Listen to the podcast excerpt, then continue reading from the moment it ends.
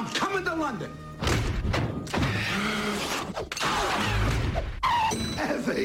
Hoxe viaxamos a Singapur. Lambóns de viaxe, Carlos García Verdugo.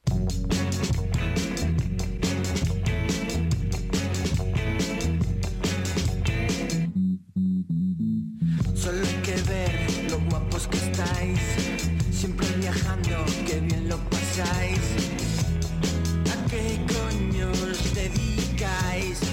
Saúdos, que tal? Moi boas noites, Lambonciños, como estades? Boa pregunta para o convidado de hoxe, eh? aquí en Lambos de Viaxe A que carallo se dedica o noso convidado de hoxe? Agora veredes porque o tipo non fai máis que non viaxar, senón vivir en distintos países E un deses países ao que nos vai levar hoxe é a Singapur. Imos viaxar a un país tan pequeno como cheo de contrastes e cheo de experiencias. Ali viviu un anaquiño da súa vida. O noso convidado, que está agora mesmo a piques de conectarse, el vive en Bruxelas agora mesmo, e temos xa sabedes que, que despertalo, pero, pero vamos, enseguida vai estar por aí. Mentres tanto, imos ir ata unha cidade, ata un estado, ata unha cidade-estado que ten un montón de contrastes, como digo, e un montón de sensacións, e que en xeral o que ten tamén é un montón de sons, de sonidos, e soa así.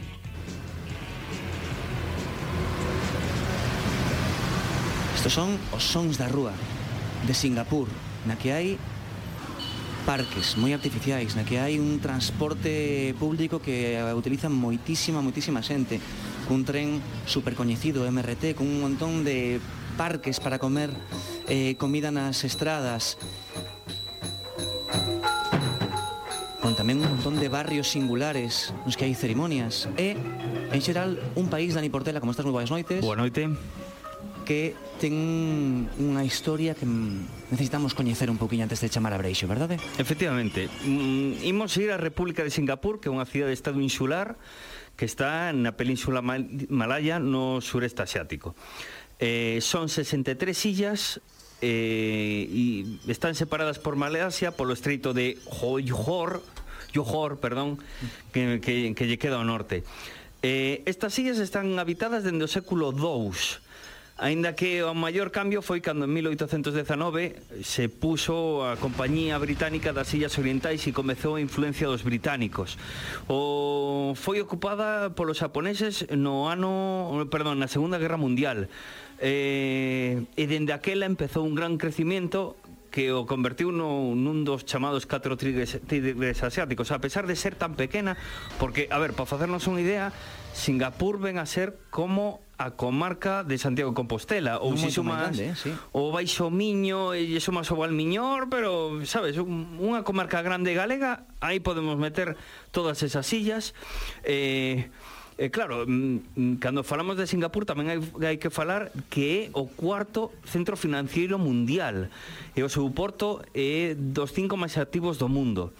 Eh, ten unha renda per cápita altísima, terceira do mundo, e iso implica tamén que se xa carísimo vivir ali para nós, son 5 millóns de persoas, pero máis de un millón son estranxeiros, uh -huh. o que fala de, de dun distribuidor de poboación onde se concentran eh, apatrida, eh, per, perdón, expatriados de, de todo o mundo, e, e tamén mm, conta con catro linguas oficiais, que son o chinés, o inglés, o malayo, o tamil. É un país cun montón de cousas para o pequeno que é, para o pequeno que é, cun montón de cousas para contar, tan pequeno como rico, en, en moitos aspectos e que a nos nos interesan lambos de viaxe non só polo atractivo turístico que ten, sino porque, igual que no seu día, o Porto foi fundamental para, para a súa riqueza, neste momento Singapur convértese nunha vía de entrada clarísima nesa zona do, do sudeste asiático e, e realmente interesante que vexamos como nun par de días, nun par de días, ou mellor incluso nun día, podemos facer unha boa paradiña para ver un país diferente e aínda que está ao lado de Malasia ou que está moi pertiño de Indonesia, pois que o mellor non ten moito que ver. Así que imos comezar, como sempre, boas noites a algúns, bons días a outros e para todos, boa viaxe. Iniciamos este viaxe. Veña. Lambóns de viaxe, Radio Galega.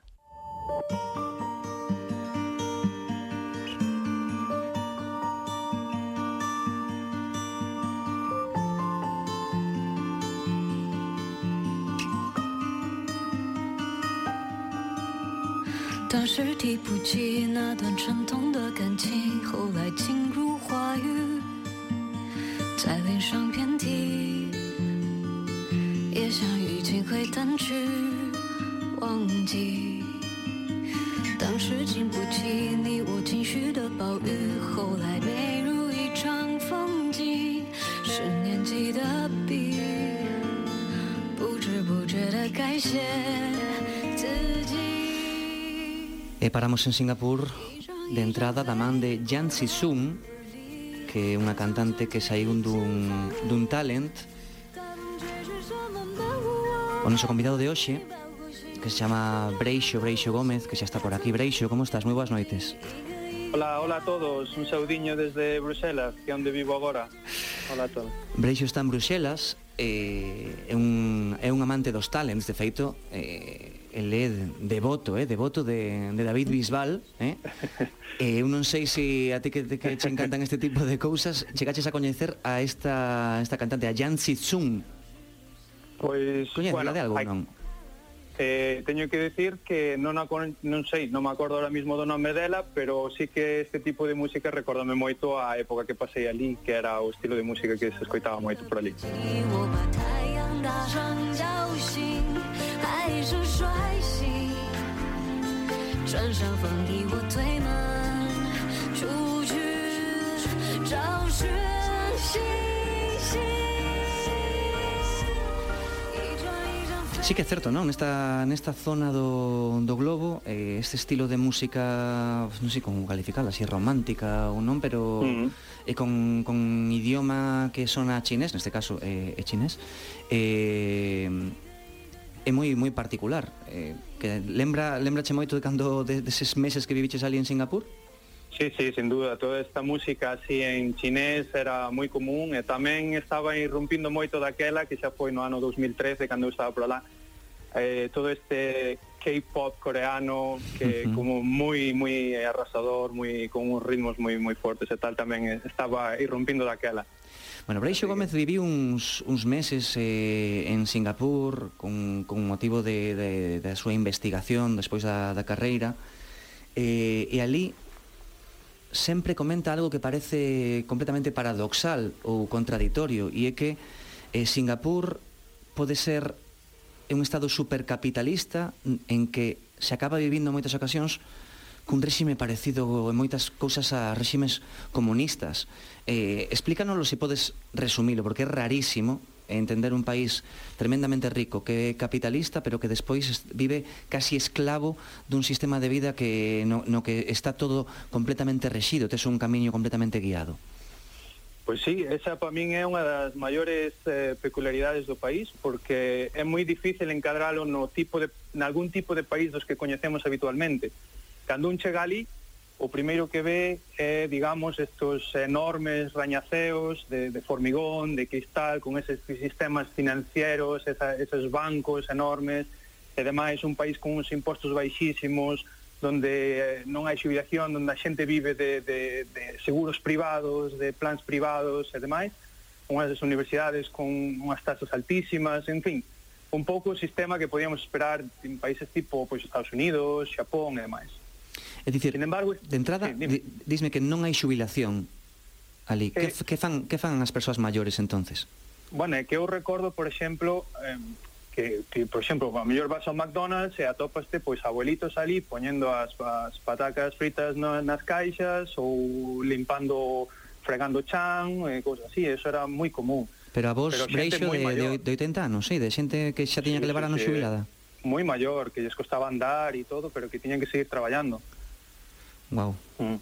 Sí, sí, sí. E, e bueno, despois na outra parte que, que xa, porque era tamén curioso que decían que, bueno, que o goberno non quería eh, ter esa, os seus plans de xubilación e tal, porque é bo para a xente seguir activa, non? Como que é malo para a xente, pois, digamos, quedarse na casa, xa na xubilación, pois como que eso é malo para a salud, non? Entón, eso é o que nos leva a outra cara da moeda, que é o que decías ti, non? Que, por outro lado, atópaste como un país como que ten certos rasgos moi autoritarios e, e que como que recordan un pouco a países pois tipo dictatoriais, eh, como, como dicía, moi autoritarios, non? como podía ser pois Corea do Norte ou China, eh? Se, non, non é unha exageración. Se, se queres que contoche un pouco desto. Sí, por que crees que, que, que un, digamos, cando nace ten un camiño eh, guiado do que, do que é complicado eh, afastarse e do que prácticamente ten unha presión absoluta desde, desde mm. que nace? Bueno, mira, a ver, esa, para que te fagas unha idea, desde que foi a, desde que se independizaron alá polos anos 60, aí entrou un partido político no poder e que sigue sendo o mismo partido que estuvo hasta hoxe en día. E ainda hoxe en día, cando van as eleccións, sacan como, imagínate, 70-80% dos votos, non? Entón, eso, digamos que pon un europeo, pois chama a atención, xa ves un pouco que isto, mm, bueno, bueno un réxime democrático, pero que xa algo mm, parece raro, non? E despois tamén ves que hai moita censura, por exemplo, no, nos xornais, e eso, ti todo o que lees, todo é, o, o, sea, o goberno nunca nadie pode decir nada malo do goberno, todo é genial e demais. Entonces, é un tamén... dos sitios no que o, no que o xefe do Estado ten un soldo máis alto, non, no mundo? Claro, ten un soldo máis alto e, e, e sí, eh, eh pero eu coñecía xente ali que decía, no, eh, eh, fan ben porque mira onde nos levaron e tal, pero pero sí, sí, o sea, é unha cousa como moi eh, autoritario, no que tá, hai unhas leis eh, extremadamente fortes, por exemplo, para que te fagas unha idea, o chicle está prohibido, eh, porque pode ensuciar a, a, a rúa... A ver, a ver, a ver, vamos a parar aí. Como que o chicle está prohibido? sí, sí, eso, o sea, eso é, eso é unha exageración de, de, de o prohibir no, no, por prohibir, eh? Non se pode é, tomar chi, eh, non se pode mascar chicle en, en Singapur é que non é que se poida mascar, é que está prohibido vendelo, está prohibido importalo. É dicir, que así te, se a ti te coñen no aeroporto en, en, eh, metendo chicle dentro do, do país, pode acarrear unha multa bastante grande, ao mellor dun par de miles de, de dólares. O sea que Pero hai un montón non... de turistas que viaxan con chicle para para o, a proceso de, ater, de, de aterraxe dos avións, de to, etcétera, etcétera.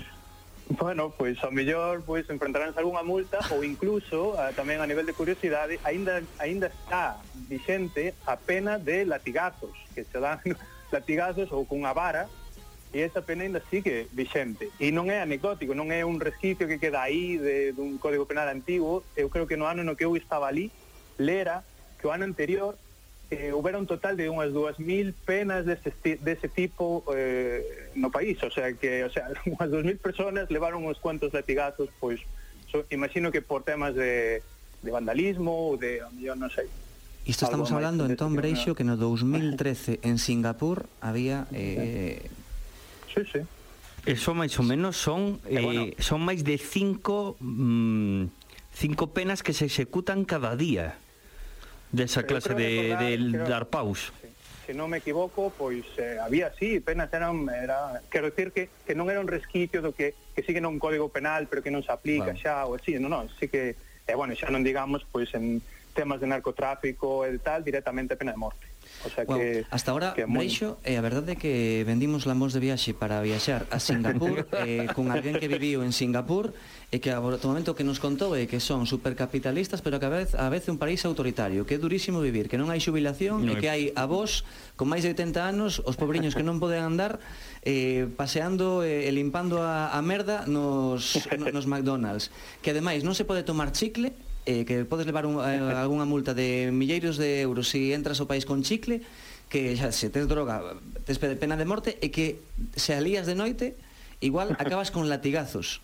Ata o momento pues fantástico que me, sí, sí. que me contas a Turismo de Singapur, eh, eh, eh que patrocina eh, esta sección. Sí, sí. Ahora dime que estás facendo pues sí, investigación pues sí. para, para levar turismo a Singapur e, e, me matas.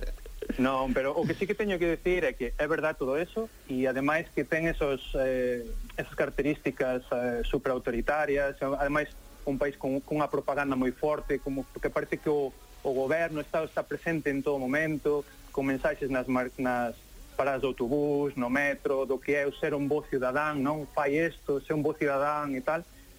Pero ao final, se vemos todo un pouco toda esta mestura, non? Eh, con un pouco de perspectiva, tamén o que vemos é, eh, é que non deixa de ser un país extremadamente pequeno, como dicíades, como unha comarca eh, de galega, e que está nunha que é unha illa que ni siquiera está conectada, digamos, con por terra a ningún outro país, no que non hai recursos, ne, que, que non ten nin auga, a auga ven por unhas cañerías enormes desde Malasia, e como conseguiron con eso chegar a ser unha das maiores economías mundiais, por suposto, na zona do sur e sureste asiático non hai nada que se lle compare, pero nin de lonxe, e como é un país como que ten pois nada de paro, nada de crimen, non é un país moi seguro, moi eh, vamos que, que, que dá gusto pois pois pasar por ali, moi seguro, que ten as mellores universidades do, das mellores universidades do mundo, das, dos mellores sistemas sanitarios do mundo, que ten unha arquitectura e un, uns paisaxes e un, eh, un urbanismo pois eh, endexable, vamos.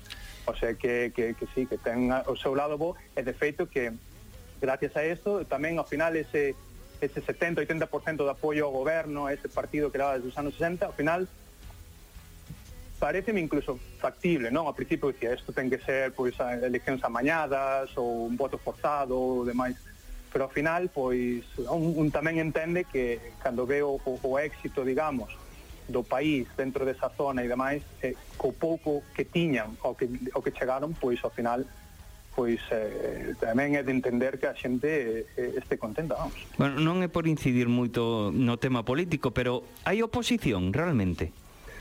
Pois a ver, eh, eu como digo, nos tres meses que eu votei ali, a mí o que me dou a impresión é que, que hai unha oposición un pouco de paripé, un pouco moi arrinconada, e como che digo, é que ni siquiera se pode, digamos, levantar moita voz contra o goberno, ali o, había un periódico que era o que lia todo o mundo, e que todo era maravillas do goberno e demais, entonces non sei hasta que punto realmente, eu creo que hai, porque en teoría é democrático, o sistema, pero, pero vamos, que, Uh -huh. Moi arrinconado. Ti estiveches ali cun, cun, cun proxecto de investigación, varios meses vivindo en Singapur, viviches o que son as universidades ali, eh, que realmente o obxectivo da universidade dunha universidade en Singapur é completamente distinto aos obxectivos ou as expectativas dunha universidade, digo xeral, en, en Europa, non? Eh, son tremendamente competitivos e resultadistas, non? As, as universidades, a universidade ali. Sí, eu, eu diría que, por exemplo, eh, a experiencia que teño en universidades europeas é máis, digamos, eh, diría, social desde un punto de vista da educación e, e demais, Ali é máis o modelo americano, con as taxas altísimas, estamos falando que o mellor eu quero recordar que o mellor para a carreira de medicina podía ser uns 20.000 dólares anuales a, a matrícula para os dali. Eh, se, se eres estudiante estrangeiro, o mellor eran 40 e pico mil dólares anuales. Uh -huh. E ademais que é como con uns claros objetivos de eh, ir a por patentes, convenios con, con empresas, e, e demais, e entonces hai uns objetivos moi claros para todo o mundo que traballa ali e que son moi difíciles de conseguir e que eso leva a que a xente que traballa ali traballe durísimo. Eu acórdome que co que me contaba o meu supervisor cando eu estaba ali, era que, imagínate, pois se a ti te decían o objetivo para o ano que ven é que ti publiques 26 eh, artigos eh, científicos, que é o que necesitas?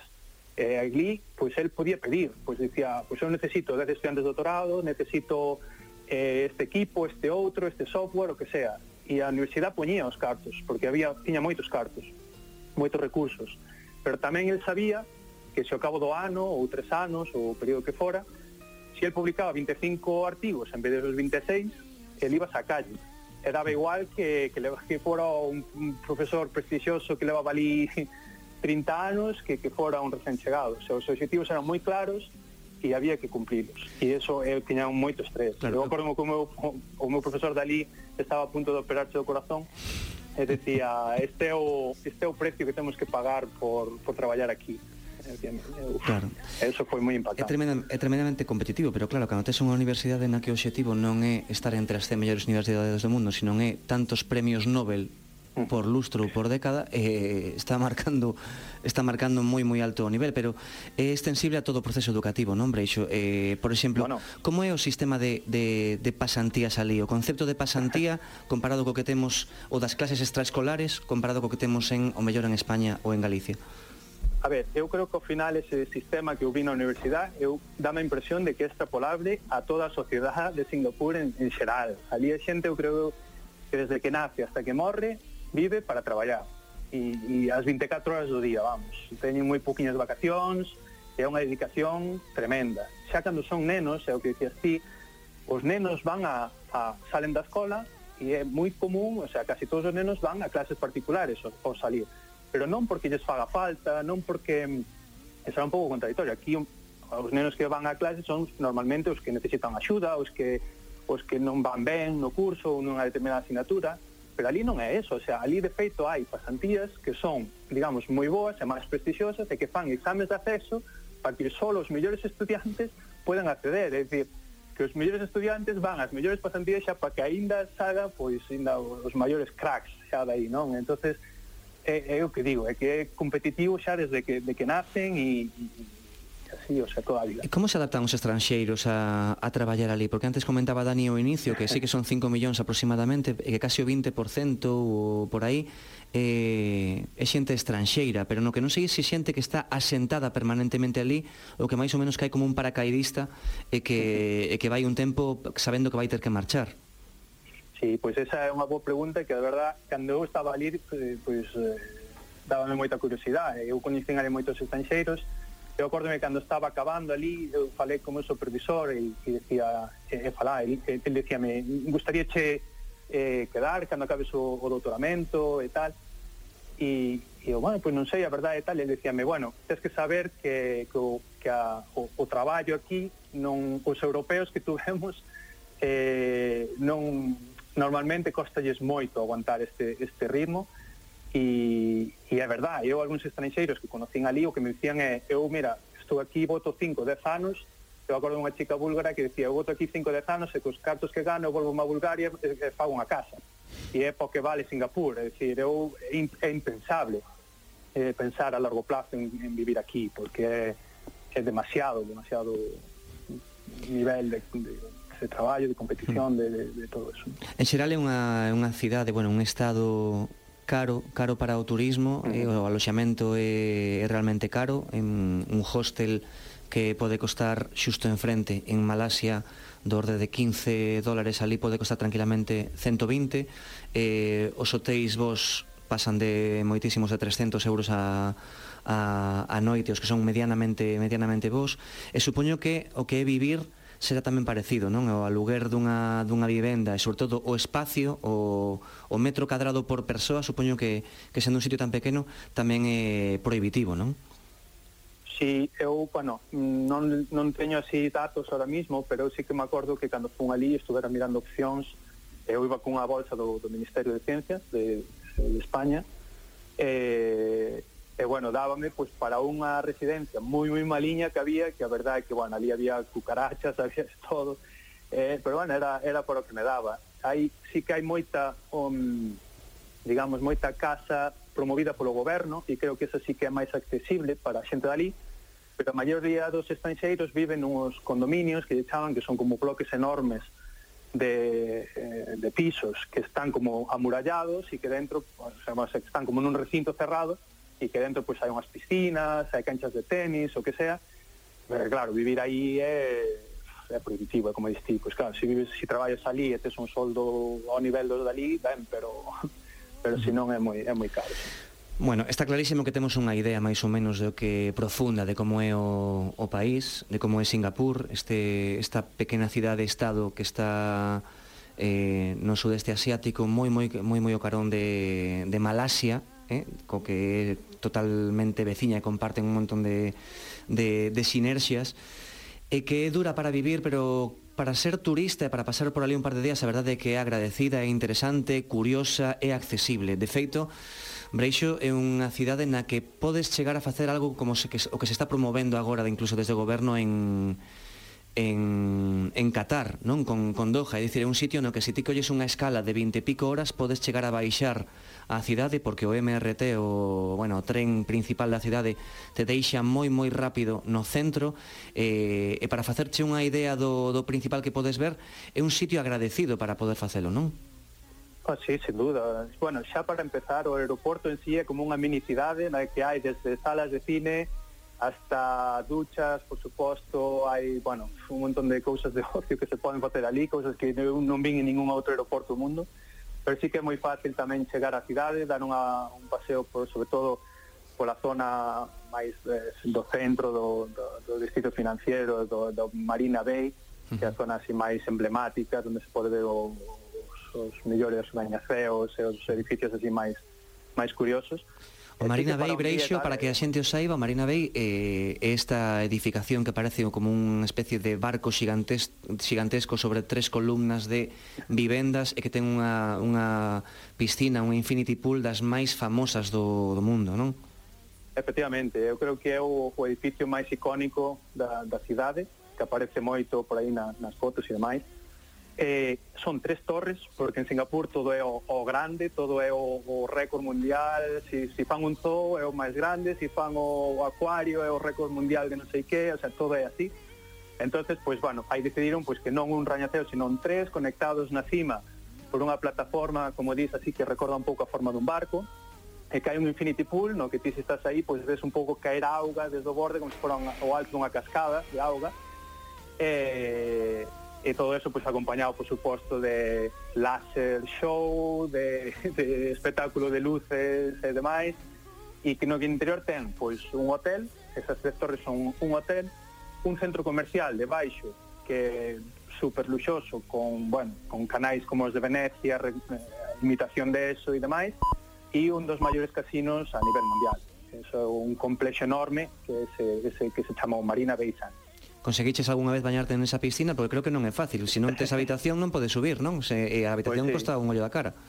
Pois non é, non é fácil, pero sí que conseguín darme o gustazo e foi para min unha das experiencias mellores da miña vida cando estuve ali naquela piscina desde o alto, imagínate, no piso 50 e pico e vendo aquel skyline eh, en aquel momento decidí, intentei facer unha, unha foto mental, isto teño que recordalo por o resto da miña vida, e por lo menos a día de hoxe ainda me recordo, ainda recordo bastante ben. Sí, porque non me quero meter moito na túa vida, pero acabas de dicir que ti tiñas cartos os xustiños para pagar unha residencia con cucarachas, e acabamos de comentar que para subir a unha das piscinas máis luxosas do mundo hai que ter habitación ali, que é carísimo, así que entendo que eh, te colaches.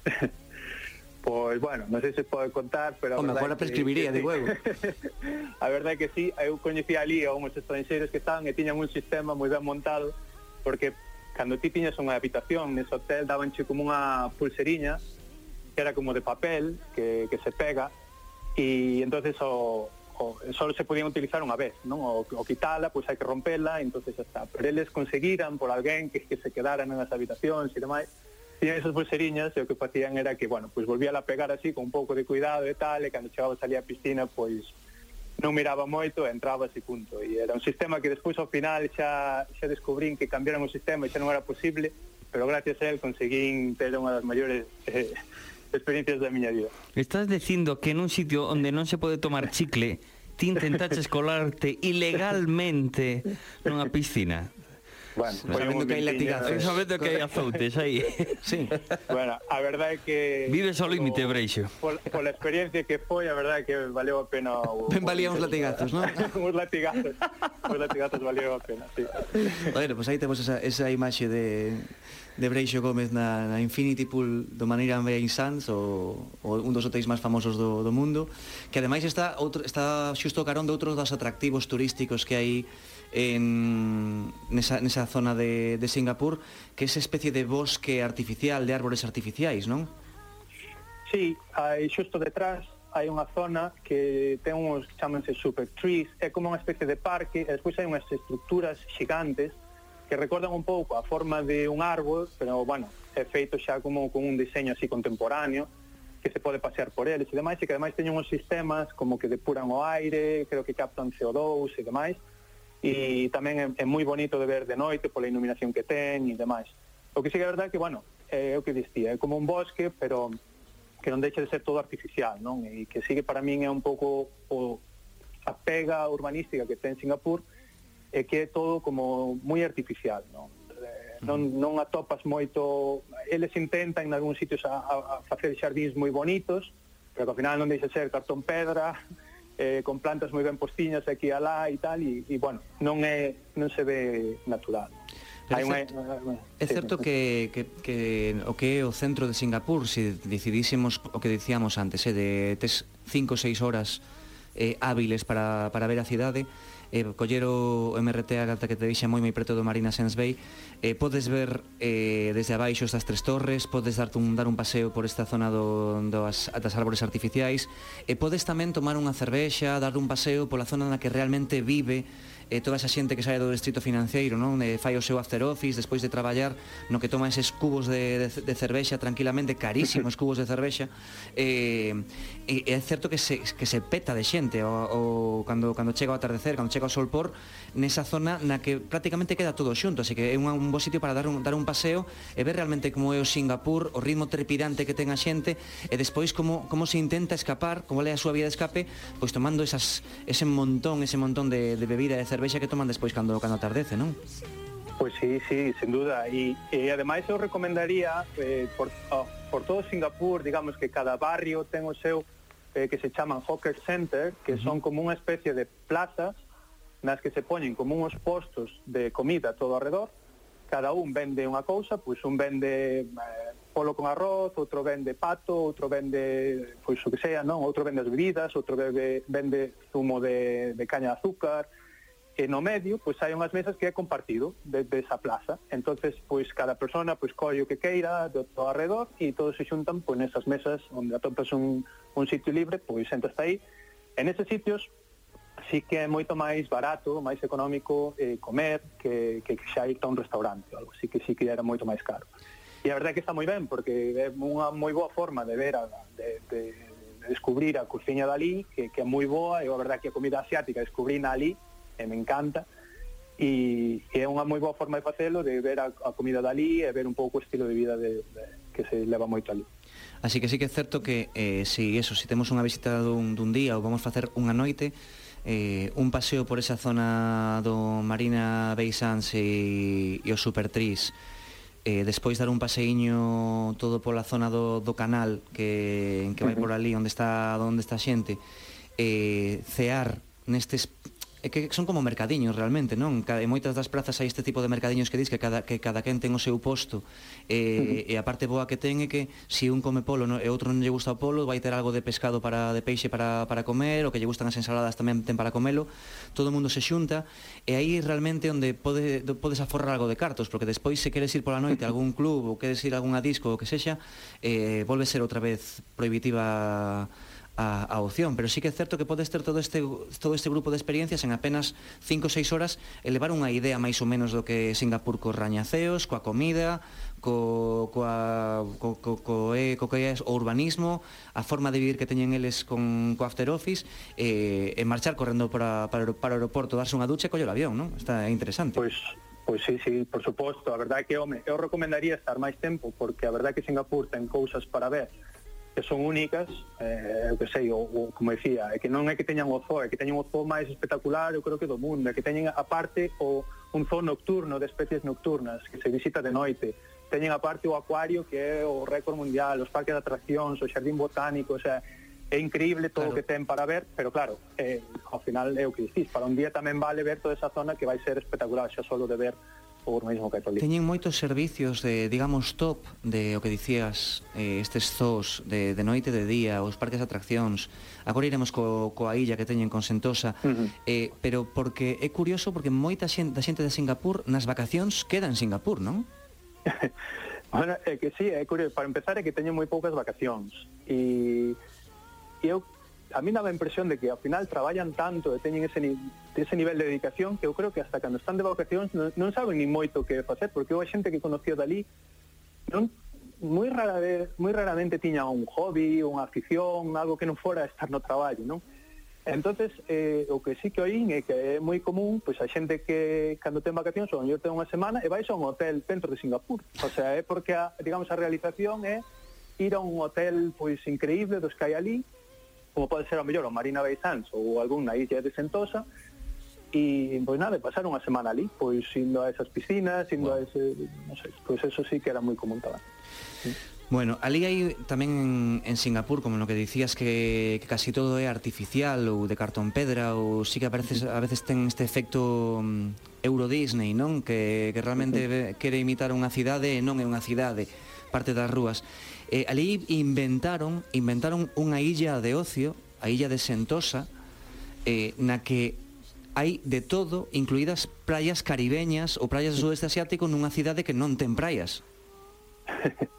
Pois eh, sí, efectivamente, hai unha illa moi pequeniña pues, que está ao sur da, da illa principal que se accede por medio do metro ou por unha pasarela bastante longa e que, que como dicía, aí montaron todo un centro de ocio desde hotéis increíbles, hasta un parques de atraccións, o acuario e demais, e que despois tamén, pois para pasear por ali, pois hai tamén un montón de, de cousas distintas, como distí, pois hai, había pois unhas playas caribeñas co, que, vamos, mires para onde mires, mires era unha, unha postal perfecta, era así un puente colgante, así por encima dunha área blanca, con as palmeras, con tal, pero... Pero, pero é mentira, vamos, é mentira, pero é, é, mentira, artificial, claro, claro. O sea, é todo artificial, todo é posto así, desa maneira, para que quede bonito, eh, atópaste pois, rocas por ali que queda moi bonito así, pero que é cartón pedra, que que, bueno, as plantas ves que están postitas ali como se como un xardín, pois eh, entonces vamos, que se ve moi claramente o que dicía, como cando vas por Euro Disney ou por Aventura e e, bueno, pois sí, hai ali un, uns decorados e demais, pois para dar unha ambientación, pero que, que, que se ve que non é real, que non é natural, non? E eso un pouco é o que me daba a impresión ali. E entón, eh, Breixo, eh, se queremos mirar eh, eh parte da arquitectura ou parte da vida que queda dese Singapur que nos comentaba antes Dani que durante moitos anos, moitos anos atrás foi clave polo punto estratégico no, no que estaba, non non hai unha zona, digamos, como unha zona bella ou un sitio onde podamos ver eh, arquitectura digamos máis tradicional ou colonial ou etcétera?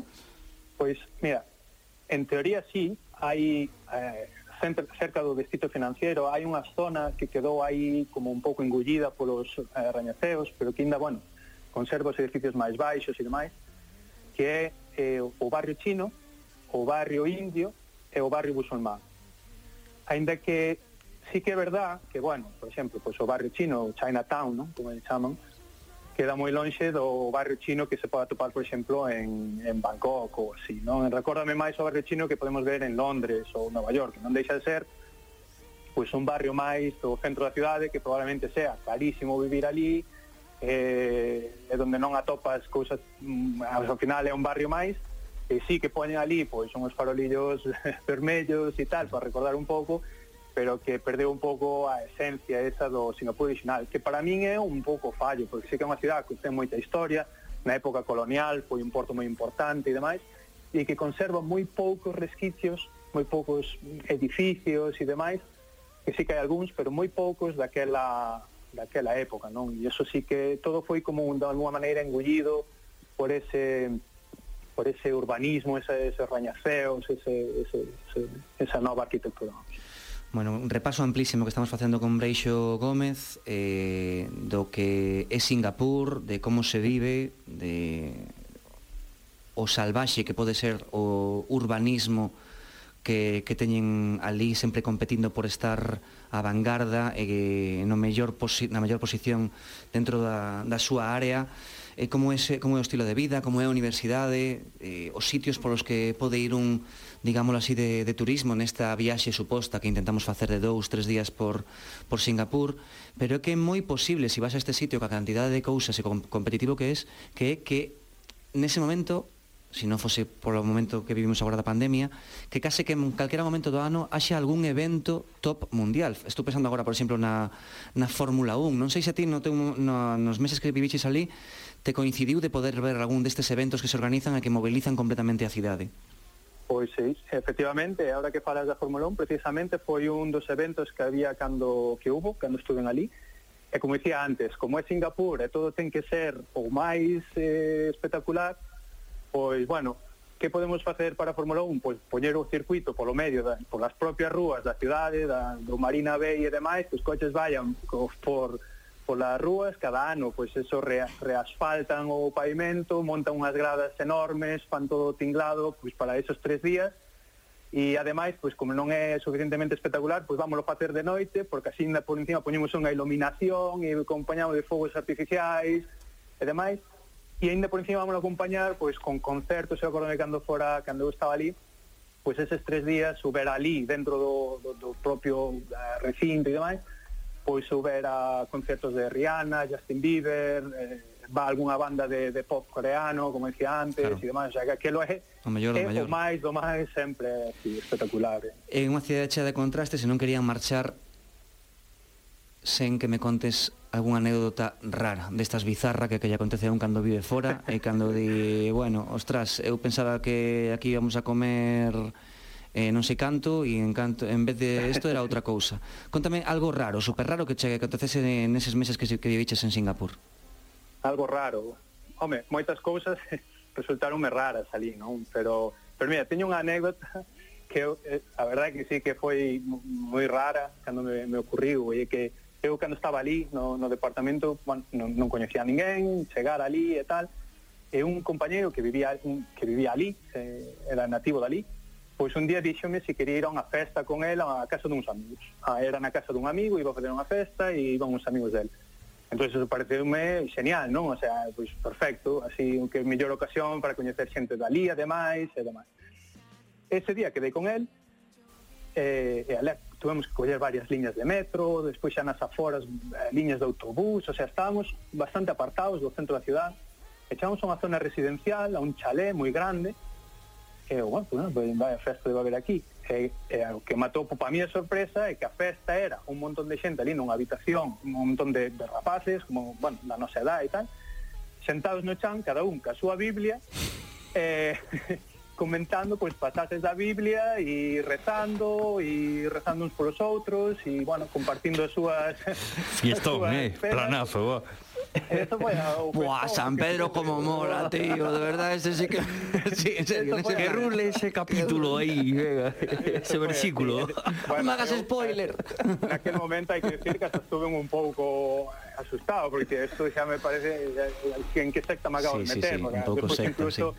o dono do pis do, do chalé puxa ali comida nunha, estaba a mesa preparada con comida para todos estaba, xa, aquel foi unha cosa moi rara e, e bueno, invitaron a volver, pois pues, isto facemos toda a semana, non sei que, ou que bueno. quedé moi agradecido, pero pola invitación, pero pero non Tremendo. volví, na verdad. Bueno, grandísima viaxe, Breixo. Eh, quedaron ganas de volver ou non? Home, sí, a verdade é que non tuve a oportunidade de volver, vale. pero encantaríame se teño a oportunidade, ainda que como dicías ti, para unha escala, ainda que teña que se podo ir a un sitio e me, me cadra facer escala por aí, pois sin duda vou intentar Perfecto. facer unha, unha escala. Bueno, pois o gallego, allá que podas volver e, e rememorar todo que as cousas cando volves outra vez son, son mellores. Breixo Gómez, galego itinerante polo mundo, super exitoso non se ocurre, alegramos nos de que te vaya moi moi ben. E unha aperta enorme, amigo, gracias por estar aquí en la Mos de Viaxe con nos. Pois moitas gracias a vos pola invitación eh, Nada, paseino moi ben Así que espero que lles parecera interesante aos ointes E eh, a vos tamén unha Perfecto, aperto desde, desde Bruxelas. Ata a próxima. Adeus. Veña.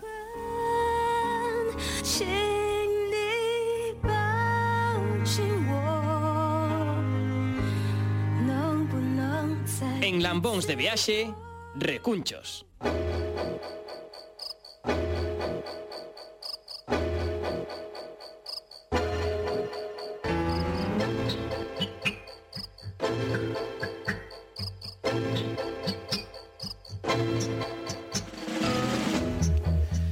esta música que había bueno, unha semana xa, eh, que non que non contactábamos con Argentina. Cuchiño, sí. Levanos a, bueno, do outro lado do charco a falar cunha grandísima amiga, con Paula Sabajanes, que tal? Moi bons días, Paula, como estás?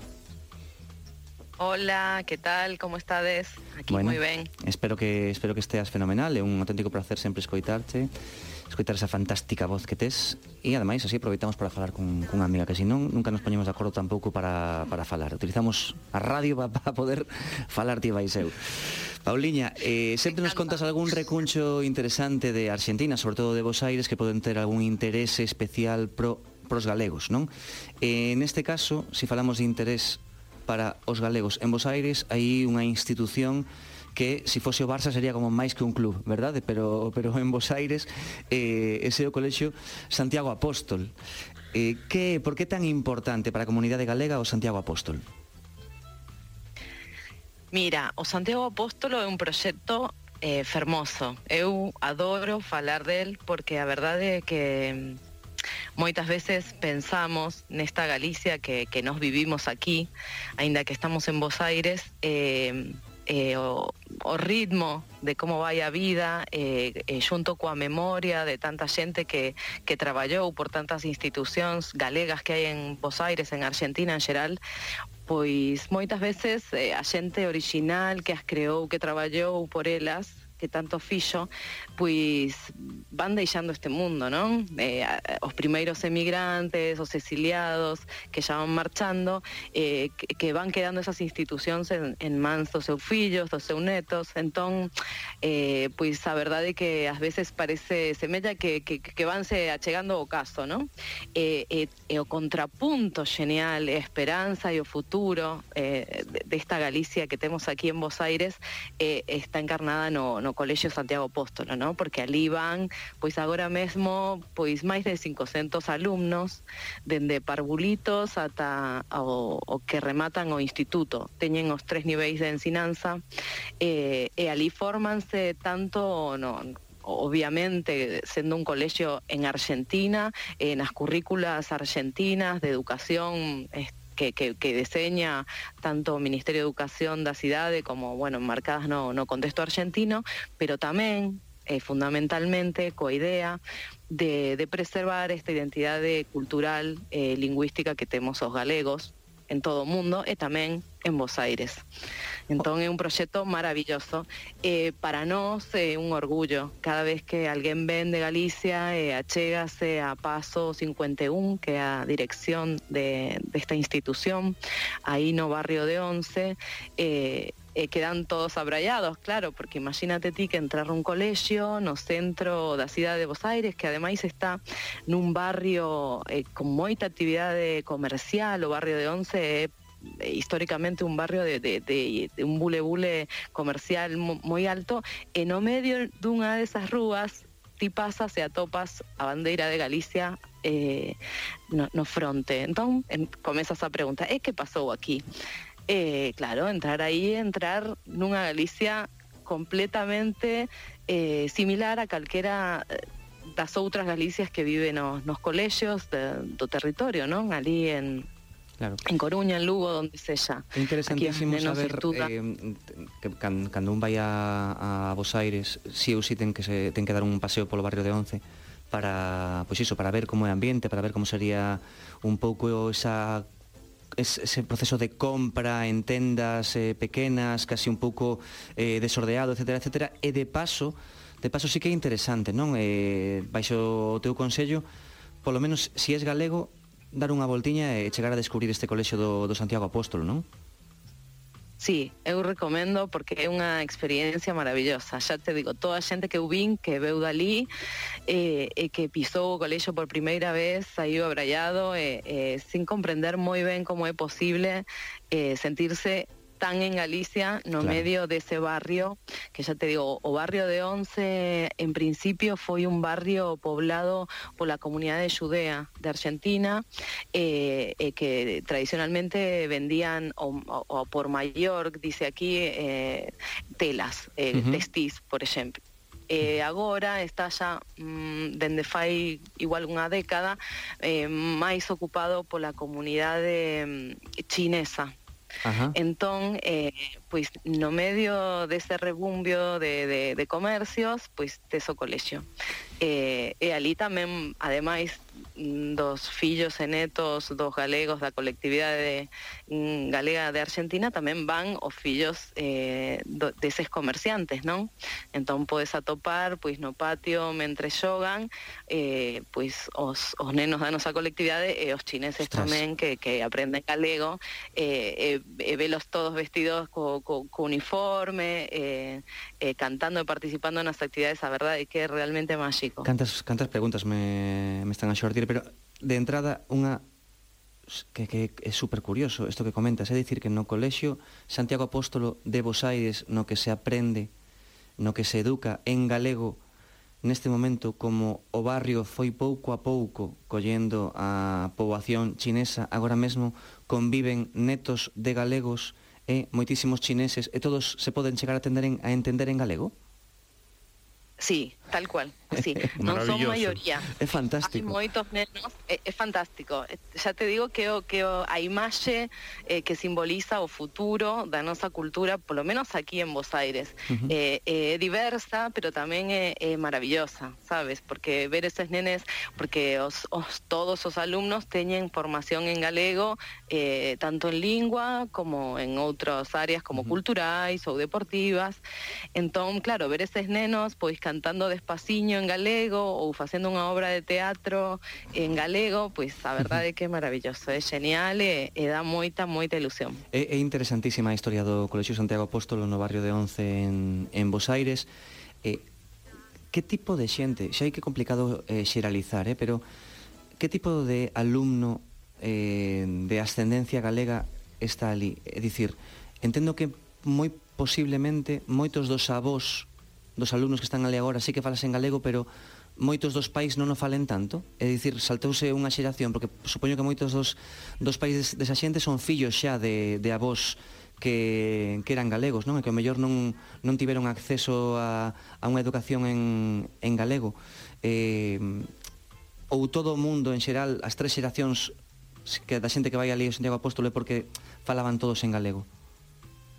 Pois non, non, te, te faste unha boa idea porque polo xeral son os avós ou os bisavós deses nenes vale. que hoxe están escolarizados no Santiago Apóstolo que, que, que enviñeron eh, a Vos Aires eh, por la razón que fore que fora, non? Uh -huh. eh, os seus fillos xa, pois, igual sí que participaban da vida das institucións, da colectividade ou non, pero eh, non tiñan esa oportunidade de, de, de, de, de facer unha formación eh, formal en, en lingua galega vinculada á cultura da nosa colectividade. Entón, igual sí que son xente universitaria ou profesional, pero que, está vinculada dende o punto de vista de, dende o punto de vista afectivo familiar á cultura galega, e neste caso, eh, pois eh, os seus sí que poden xa pois aprender danza galega, lingua galega, ler eh, pois a biblioteca maravillosa que teñen de, con volumes eh, de todas las de todas as orientacións en galego eh, e participan tamén de moitas eh, charlas eh, e actividades que, que a xente do colexio con, con gran maestría organ, organiza con toda a xente que, que pode captar para que veña a presentarles a presentarlles eses nenes un, unha Galicia o máis, máis actual, sabes, en distintas perspectivas. Entón, eh, se hai algún científico, bailarín ou deportista ou escritor que veña a facer algún tipo de actividade argentina, encárganse de chamalo e que fale cos nenos para comentarlle pois un pouco eh, como é a realidade do, do seu ámbito de coñecemento, non? Entón, eses nenos sí que están participando dende outro punto de vista xa dunha Galicia ben diferente a que lle transmitiron os seus pais, os seus Claro. avós, sabes? Eh, a través do acordo. Bueno, interesantísimo, eh? así que cita agora mesmo xa obrigatoria para calquera galego que vaya a Bos Aires como vai ter que dar unha voltiña polo barrio de, de Once que vexa o Colexio Santiago Apóstolo no que se ten un pouco de sorte pilla a hora do recreo verá que hai moitísimos nenos de ascendencia galega e moitísimos nenos chineses que porque viven nese barrio son capaces de xogar en galego no medio de Bos Aires. Paula Sabajanes, un biquiño enorme, un placer sempre escoitarte. Nada, moitos bicos para vos e esperamos por aquí cando queirades. Non o tomes moi en serio que vou, eh? Chao, chao, un bico grande. chao. Bico.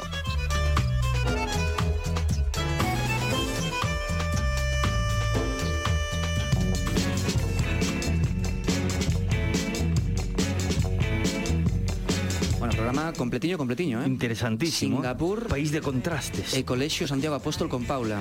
Sí, sí. E, dous eh, galegos fermosísimos de escoitar Bueno, fantástico. Dunha punta a outra. Algúnha petición para próximos programas ou non? Ui, mm, pues non sei, o mellor Tailandia ou algo así, non sei. A Tailandia queres ir, sí? Bueno, non sei. Resacón en Bangkok, vale, me encanta. Eh, sí. bueno, non era esa asociación que facía, pero bueno, sí. Entón, pode ser, que, pode ser. ti queres ir á praia, mellor. No, no, pero bueno, seguro que hai museos chulos por, por Tailandia. Moi ben, perfecto, Dani Portela, moitísimas gracias. Boa noite. Señores, foi un placer unha vez máis compartir con vos as viaxes as aventuras, nesta ocasión Singapur e un recuncho pequeno de Bos Aires. A semana que ven xa veremos onde viaxamos, pero seguro que algún sitio fantástico para poder escapar un pouco de aquí. Así que a todos vos, ata a semana que ven. Adeus, Lamonciños. Chao, chao. A que coño os dedicáis? Venís crecidos, que fuerte jugáis. Os la meten y no se enteráis.